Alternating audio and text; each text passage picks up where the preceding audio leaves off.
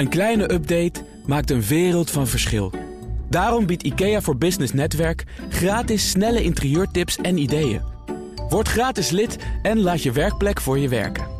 IKEA, een wereld aan ideeën. CMO Talk, de podcast. Marketing bekeken vanaf het hoogste niveau. Iedere maand verrassende en inspirerende gesprekken. Geleid door Klaas Wijma.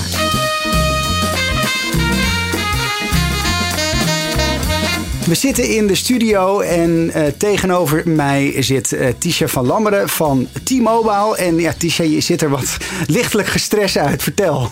Nou ja, uh, ja dus er gebeurt een hoop. zowel iedere dag is het zo'n beetje een red race in de telecommarkt. Maar daarnaast zijn we met een groep bezig om na te denken waar ons bedrijf in 2020 moet staan. Nou, en die combinatie maakt dat je wel wat zweetdruppeltjes op je neus hebt. Kan ik me voorstellen. En dan ook nog eens moeder van vier kinderen. Hoe houd je het vol? Nou, allereerst niet zoveel behoefte hebben aan slapen. Uh, en ten tweede gewoon uh, heel duidelijk maar twee passies in je leven hebben. Eén is je familie en de andere is die mobile. CMO Talk, aangeboden door Tijdschrift voor Marketing. Discussieer mee op hashtag CMO Talk. Nou, we gaan uh, starten met een gefocust interview. Ik wil eigenlijk naar de eerste vraag, Tisha. Het lijkt op dit moment echt wel complete oorlog in telecomland.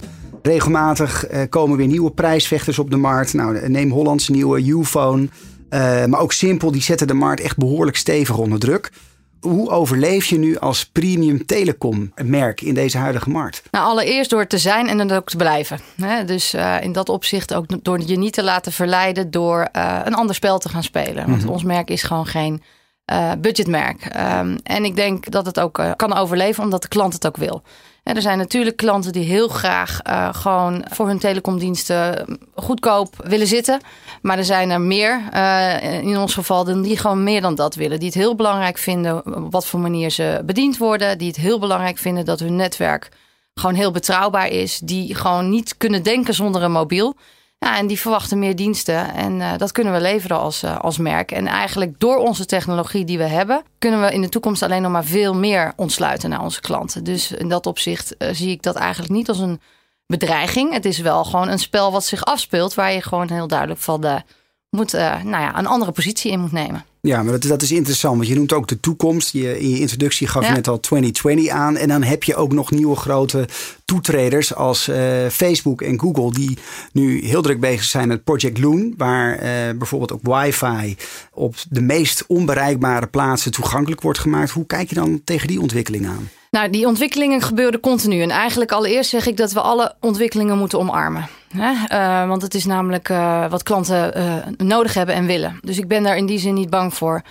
Ten tweede is het zo dat wij gewoon zien dat het mobiele netwerk zelf, dat daar heel veel kracht uit gehaald kan worden. Jullie mobiele netwerk? Ons eigen mobiele netwerk. En eigenlijk als ik kijk naar wat, hoe onze klanten gebruik maken van ons netwerk, dan is daar nog zoveel meer potentie. Nu al, maar ook in de toekomst. En er is het zoveel relevantie in het hebben van een mobiel netwerk dat ik me eigenlijk niet in die zin uh, bezorgd hoef te voelen over dat soort uh, ontwikkelingen. Die zullen er zijn en daar zullen klanten gebruik van maken. En dat maakt ook dat wij altijd moeten zorgen dat we het sterkste netwerk hebben. Maar je zegt potentie in jullie netwerk. Wat, wat bedoel je daar concreet mee? Nou, wij zien gewoon nog steeds dat heel veel klanten zich geremd voelen om bijvoorbeeld te internetten vanwege kosten. En zeker in Nederland is dat een, een belangrijk aspect. En daardoor hebben wij, we hebben, we hebben ons hele netwerk gemoderniseerd in Nederland. We hebben alles verbouwd en daardoor hebben wij gewoon behoorlijke overcapaciteit nog op ons netwerk. Nou, dat betekent dat voor bepaalde toepassingen, zoals streaming uh, en dergelijke, gewoon nog genoeg ruimte is. We hebben eigenlijk een hele grote brede snelweg gebouwd. En klanten voelen zich nog een beetje geremd om eroverheen te rijden. En terwijl ik zeg van nou, wij moeten manieren zien te vinden dat die klanten uh, zich ongeremd gebruik kunnen maken van deze technologie. Dus voorlopig nog geen 5G bij uh, T-Mobile? Het is op de korte termijn zeker niet nodig. Je netwerk is gewoon het belangrijkste wat je hebt. Ja. Dus uh, je zal altijd mee moeten gaan in die ontwikkelingen. Ja. En daar binnen die ontwikkelingen passen ook andere abonnementen. En wat ik wel interessant vind, jullie kwamen volgens mij als een van de eerste ja. Nederlandse telco's met een uniek abonnement. Stel samen en stel bij. Ja. Ik kan me voorstellen dat, dat die lancering behoorlijk wat voeten in de aarde had. Nou, het heeft me een jaar gekost voor mijn leven. Ja. Maar sowieso ook omdat ik uh, toen net in mijn baan uh, startte. Dit was mijn grootste project inderdaad. Ja. En dat, dat was enorm. Het mooie ervan was dat het heel erg gesteund werd weer door klantinzicht. Klanten Mhm. die echt aan ons teruggaven dat zij eh, flexibiliteit nodig hebben. En dat ze vinden dat telecom-operators ze dwingen om bepaalde dingen op bepaalde manieren te doen. En dat niet lang- Pakketdenken. ja, en dat eh, dat, dat niet, niet langer meer wenselijk is. Wij hadden al een reputatie op flexibiliteit opgebouwd. Dus het was voor ons een unieke gelegenheid om dat er verder uit te bouwen. Maar als je een conventie wil breken, dan moet je hem ook intern breken. Ja. Dus ik kan je, je kan je voorstellen dat ik tot op eh Deutsche Telekom niveau heb moeten overtuigen om bijvoorbeeld eh, ja, buitenland bellen in Europa tegen Nederlandse tarieven te kunnen lanceren. En nou vind ik het interessant, want hoe gaat het dan in zijn werk? Want je moet dan naar zo'n Duitse conglomeraat en die moet je overtuigen. Wat zeg je dan? Nou, allereerst moet je zeggen wat voor eh, operator je in welke markt je bent. Hè, wij zijn gewoon de attacker of de, de challenger eh, in de markt. Dus dat betekent dat je al een heel andere positie hebt dan bijvoorbeeld T-Mobile Duitsland. Ja. Hè, dus je startpositie is wel heel anders. Dan ten tweede zal je moeten overtuigen dat je eigenlijk niet plat aan het eh, discounten bent, maar dat je waarde aan het verkopen bent. Ja. Dus dat is eh, een heel belangrijk aspect. En ten derde moet je het gewoon gaan doen. Ja. Ja, en eh, gelukkig hebben we genoeg mensen binnen Nederland, maar ook in Duitsland zitten die het dan allemaal uitstekend gaan analyseren. En de analyse heeft gebleken dat we iets heel verstandigs hebben gedaan. En dan kan je door naar het volgende. Van praktische tips tot visie. Dit is CMO Talk. Ik wil naar de eerste stelling graag. Over vijf jaar belt iedereen gratis. Over vijf jaar is bellen iets heel anders dan data. Ik bedoel, dat eh, is geen nieuws of zo. Ik denk dat er nog steeds wel heel veel relevantie in het belproduct is. Maar hoeveel waarde het nog heeft, is heel beperkt. Daarom bundelen we het ook eigenlijk eh, in ons eh, startproduct. Eigenlijk is het je entreepasje om gebruik te maken van, eh, van het netwerk. Wie En, belt er nou nog? Nou, er bellen eigenlijk nog heel veel mensen. En er kan nog steeds meer gebeld worden. Met name dan natuurlijk in het buitenland, waar we klanten toch hebben opgevoed dat ze in het buitenland vooral niet hun telefoon moeten gebruiken. Dus daar zit nog heel veel eh, potentieel. En in Nederland zijn er nog genoeg mogelijkheden dat klanten willen blijven bellen. Maar die zoeken ook naar alternatieven. En gratis bellen is daar één van. Maar toch zie je bij sommige providers die belprijzen wel weer omhoog vliegen. Hoe zit dat dan? Als bellen echt een commodity is of een, ja, een, een entry ticket. Nou, wij doen dat niet eh, in principe. Maar je hebt natuurlijk wel te maken dat bepaalde operators of bepaalde merken ervoor kiezen om een bepaald segment, die bellen bijvoorbeeld heel belangrijk vinden, daar eh, een ander prijskaartje aan te hangen. Dus het is gewoon een keuze die je maakt als eh, bedrijf. En wij hebben gezegd van, nou, wij omarmen verandering.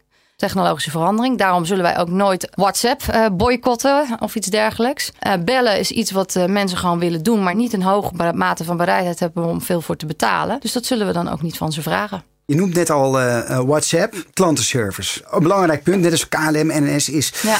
klantenservice essentieel ook voor een bedrijf als, als T-Mobile. En welke klanten wordt nou het meest gebruikt om nou, in ieder geval feedback of vragen te stellen? Is het nog steeds telefoon of is dat misschien nu al WhatsApp? Eigenlijk onze digitale kanalen zijn het grootst. Hè, dus we hebben eigenlijk jaren geleden al ingezet op twee dingen. Eén is dat klanten zoveel mogelijk zichzelf moeten helpen. En het tweede is dat we ze zoveel mogelijk via sociale kanalen gaan helpen. Ja, Facebook, Twitter. Forum, je noem het maar op. En wij zien dat ook de balans nu, eh, de digitale kanalen zijn by far veel groter dan de traditionele klantenservice eh, kanalen. Ja. Oké, interessant. En dat zal eigenlijk, eh, we hadden het net over 2020. Ja, Dat willen wij nog meer versnellen. Wij willen eigenlijk, eh, wij noemen dat dan de digitale navigator zijn voor klanten. Dus voor al hun problemen, vragen, adviezen, starten we digitaal. hoe werkt het dan in de praktijk? Nou, dat werkt in de praktijk dat je dus digitaal heel toegankelijk moet zijn. Hè? We hebben bijvoorbeeld een, eh, een app-omgeving. Nou, jouw app moet zo eh, toegankelijk, makkelijk. Je moet er alles zelf in kunnen doen. Je moet een, op een hele makkelijke manier ook nog eens contact met een medewerker kunnen hebben. Maar het begint digitaal. Ja. Dat betekent dat je iedereen ook in zo'n app moet gaan krijgen. Maar dat is interessant, hè? want eh, ik heb hier ook een keer voor CMO Talk Patrick Kuijsers gehad van SNS.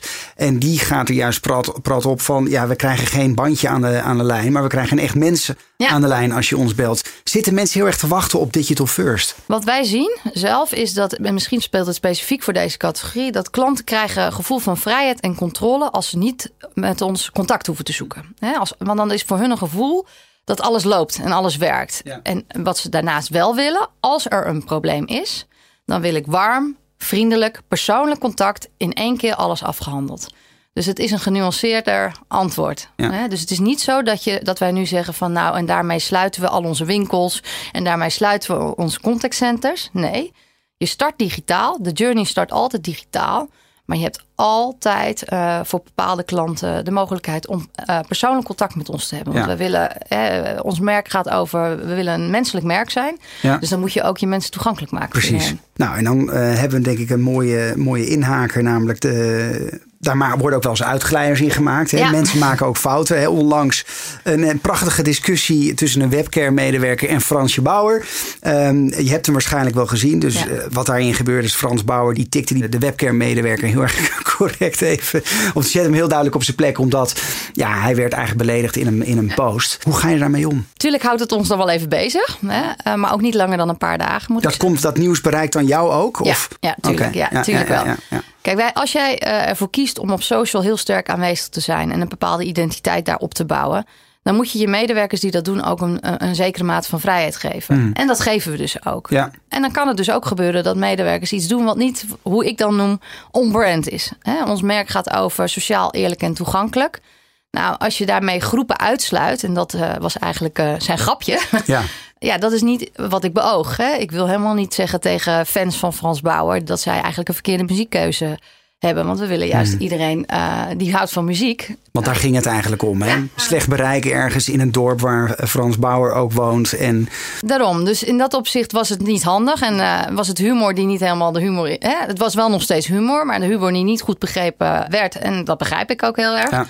Eh, maar het is niet zo dat die medewerker dan in letterlijk zeg maar een eh, officiële waarschuwing krijgt. Hij wordt dan op, ook weer met humor in een strafhoekje geplaatst. En dat laten we dan ook zien. En hoe ver kan het dan oplopen in de organisatie als zoiets ontstaat? Eh, valt heel erg mee. Ik denk Ja? dat als we het vijf jaar geleden hadden meegemaakt, dat dat veel erger was geweest. Dat eh, ook in ten tijde van het eh, Joep van het Hek eh, gebeurde. Precies. Maar dat is nu echt, we zijn daarin als bedrijf echt wel getransformeerd. Ja, het speelt even. Er wordt ook wel even wat communicatie over gedaan. Het wordt behandeld en het is klaar. Maar wordt dan ook bijvoorbeeld woordvoering daarin betrokken? Of is het echt zo puur communicatie, maakt daarin een call en wordt afgehandeld? Woordvoeding wordt daar altijd in betrokken. Want Ja. kijk, en dat is de essentie ook van hoe wij werken.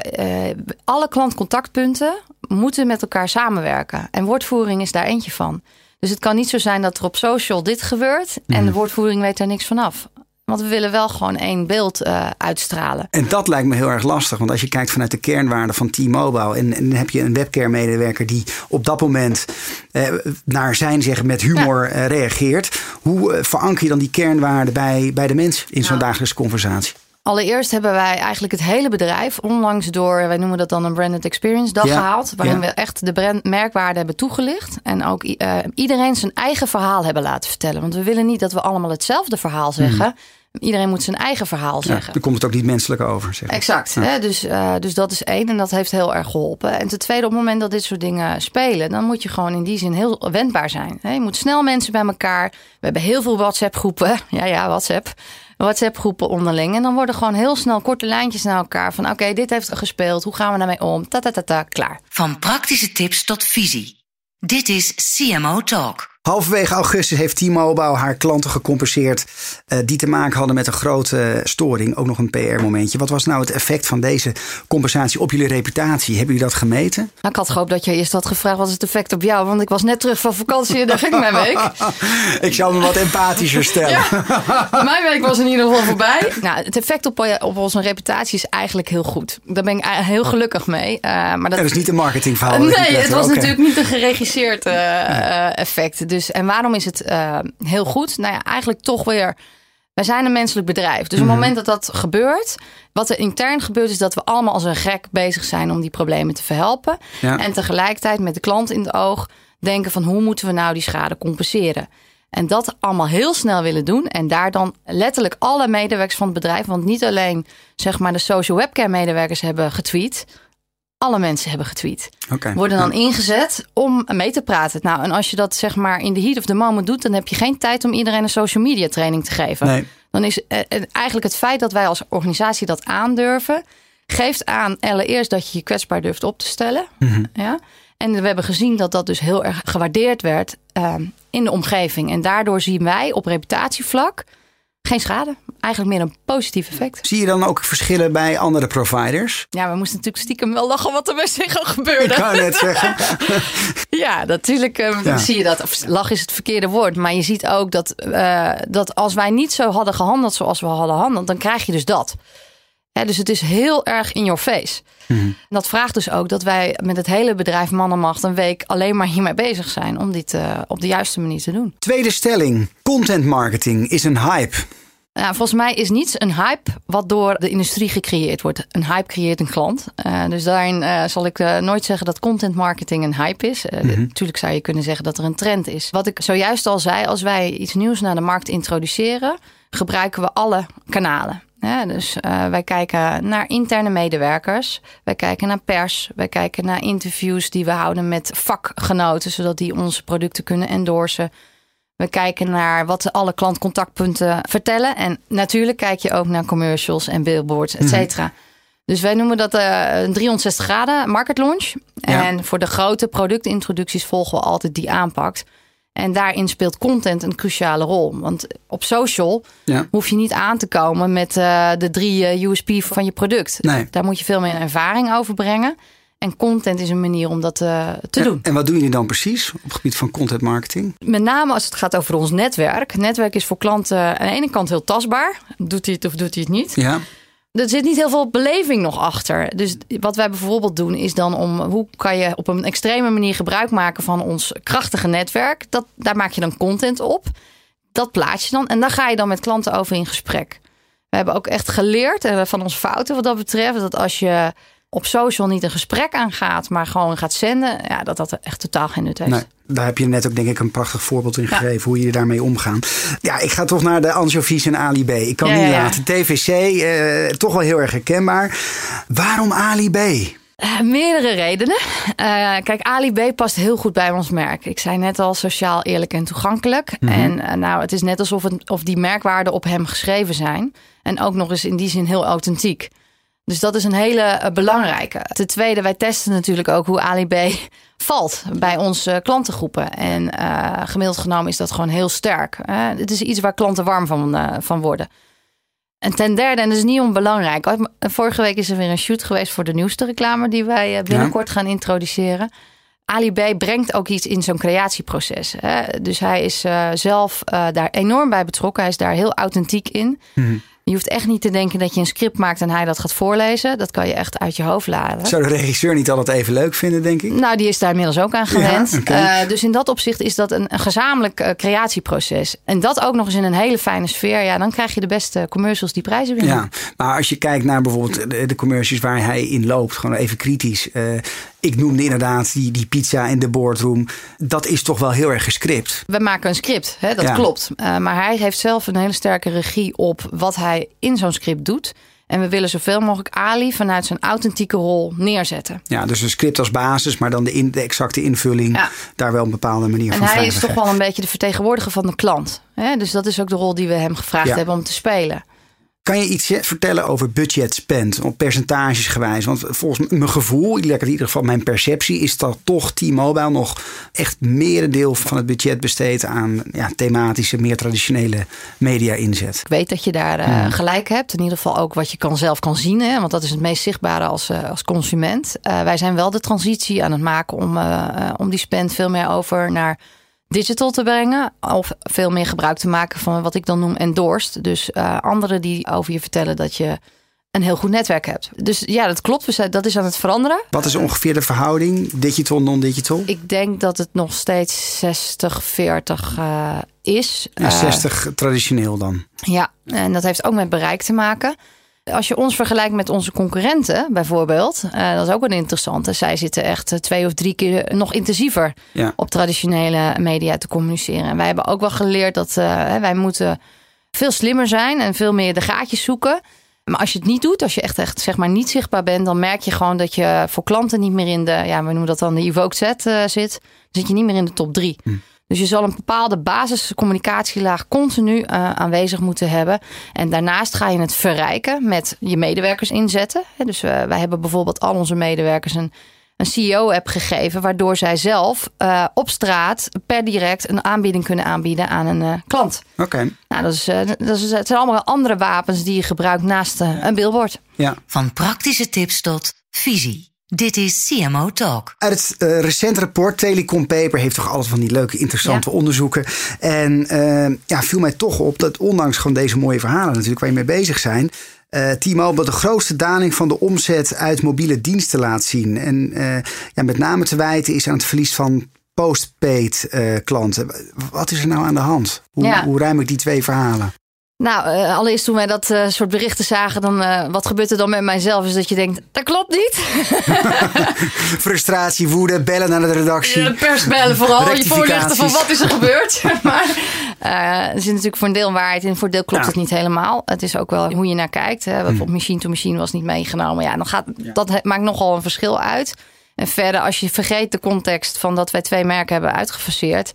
Ja, waar toch een aanzienlijk aantal eh, klanten zaten. Ja, dan lijkt het alsof zeg maar, de gewone T-Mobile consumer postpaid base eh, hard daalt. Nou, dat, dat is niet het geval. Eh, de, de T-Mobile consumer postpaid base ontwikkelt zich gezond.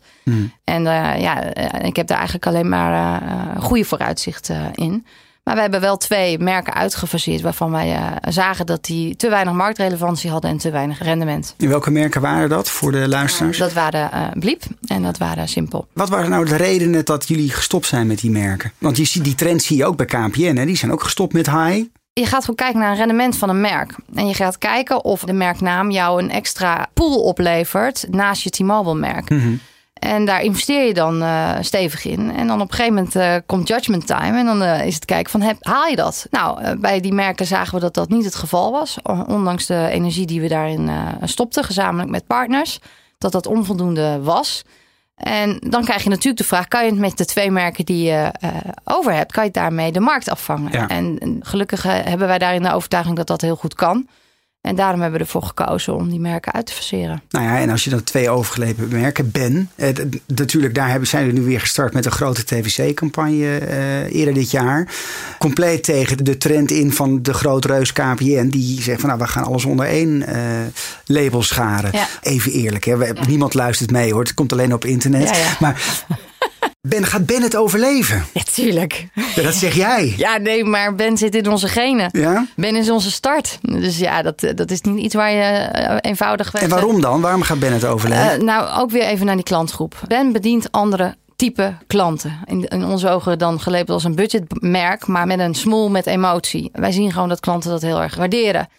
En we zien dat er voldoende ruimte is in deze markt voor het hebben van zowel een Ben-merk als een T-Mobile. Cannibaliseert niet. Het is altijd wel een bepaalde mate, maar als dat binnen ons eigen huis is en het is gecontroleerd, dan maakt dat niet uit. Hè? Dus natuurlijk moeten wij, ik ben niet verantwoordelijk voor het merk Ben, Nee. daar is iemand anders verantwoordelijk voor. Maar het betekent wel dat wij goed eh, elkaar in de ogen moeten kunnen kijken. We zitten allebei op hetzelfde supersonische netwerk. Dus wat dat betreft, eh, we zitten op hetzelfde netwerk. Dus je, je deelt dat. Alleen we hebben een andere. Positionering, En ja. positionering. En ook eh, grootte is natuurlijk eh, totaal verschillend. Hè? Ik wil naar de derde stelling. Dat gaat over WhatsApp en WeChat. WeChat, de Chinese variant van, eh, van WhatsApp. Echt, wist ik niet eens. Nou, bij deze, eh, nog veel groter dan WhatsApp overigens. WhatsApp en WeChat worden de grootste concurrenten van de telco's in de toekomst. Onzin. Ja? Ja. Nou, dan ben ik heel benieuwd waarom. Nou ja, kijk, heel eerlijk, eh, als telecomproviders hebben we met WhatsApp natuurlijk volledig de boot gemist. Dus Ja. een bit too late. En daar hebben we heel, in ieder geval wij in Nederland heel veel van geleerd. Mhm. Van ja, dit soort technologieën die worden door klanten opgepikt en die gaan zo snel en die moet je omarmen. WhatsApp is voor mij een toepassing. En eh, met ons netwerk kunnen wij zoveel meer dan alleen maar WhatsApp messaging. Eh, wat ik al aangaf, je kan eh, streamen, je kan livestreamen, misschien straks LTE broadcasting. Weet je, er, zijn zoveel meer mogelijkheden dan alleen WhatsApp.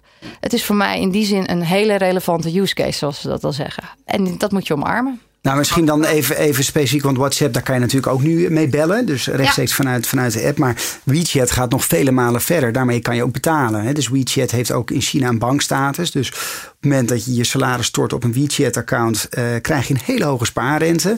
En door alleen maar de telefoons tegen elkaar aan te houden, eh, eh, kan je een rekening betalen. Dus en, Ja. en dan denk ik van, hé, hey, dat vind ik interessant. Want dat vind ik veel verder gaan dan alleen nog maar een eenmalige chat-toepassing.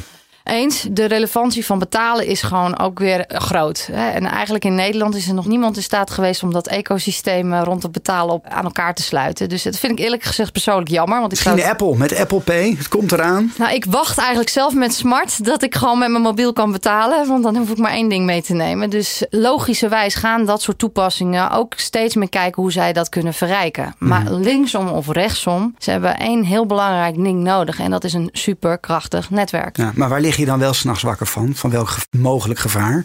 Waar lig ik wakker van? Is dat wij uh, soms in de industrie veel te veel bezig zijn met onze eigen regeltjes. Hè? Ik wil heel graag uh, conventies doorbreken. Mm-hmm. Komt Nelly Kroes weer en die zegt van heel Europa allemaal. Ja, er wordt dan weer een heel transitieregime bedacht hoe je het roamingverhaal moet gaan aanpakken. Nou, daar wordt echt niemand vrolijk van en met name de klant niet. Ik heb uh, een sterke intrinsieke motivatie om die regels te doorbreken. Maar ik ervaar dus dat het uh, ja, zowel uh, in Europa als in Nederland als binnen je eigen bedrijf best heel lastig is. Hè? Want er is een grote angst dat, ja, dat, dat je dan veel omzet kwijtraakt, et cetera.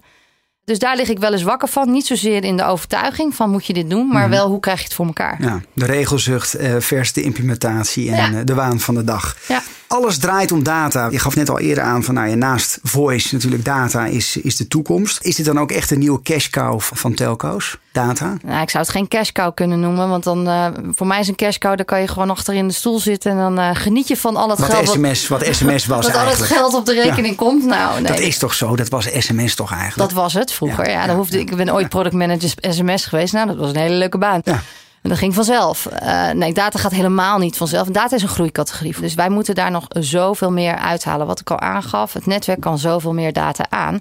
En dan zou je kunnen denken, joh, waarom bied je het dan niet onbeperkt aan? Why not?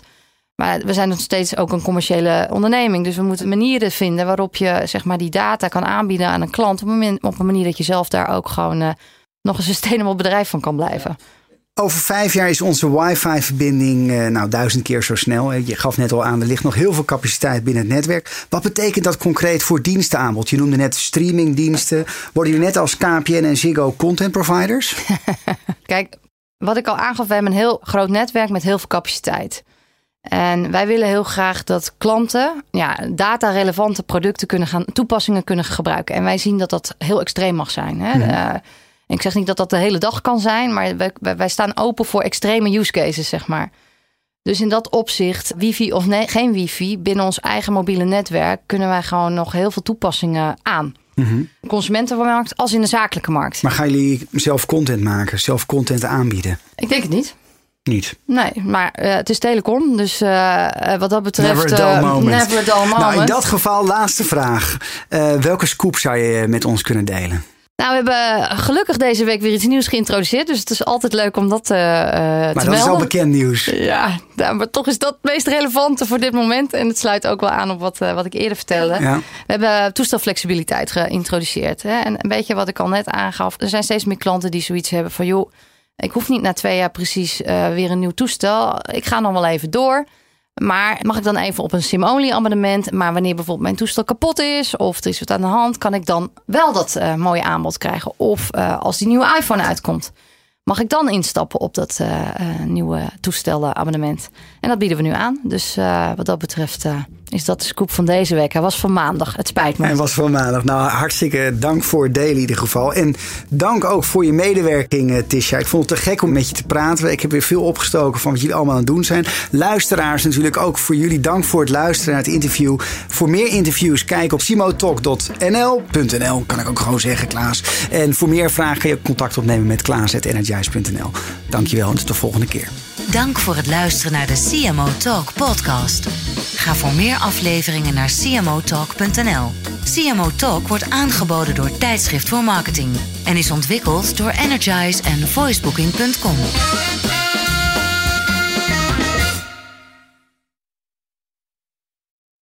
Een kleine update maakt een wereld van verschil. Daarom biedt IKEA voor Business Netwerk gratis snelle interieurtips en ideeën. Word gratis lid en laat je werkplek voor je werken. IKEA, een wereld aan ideeën.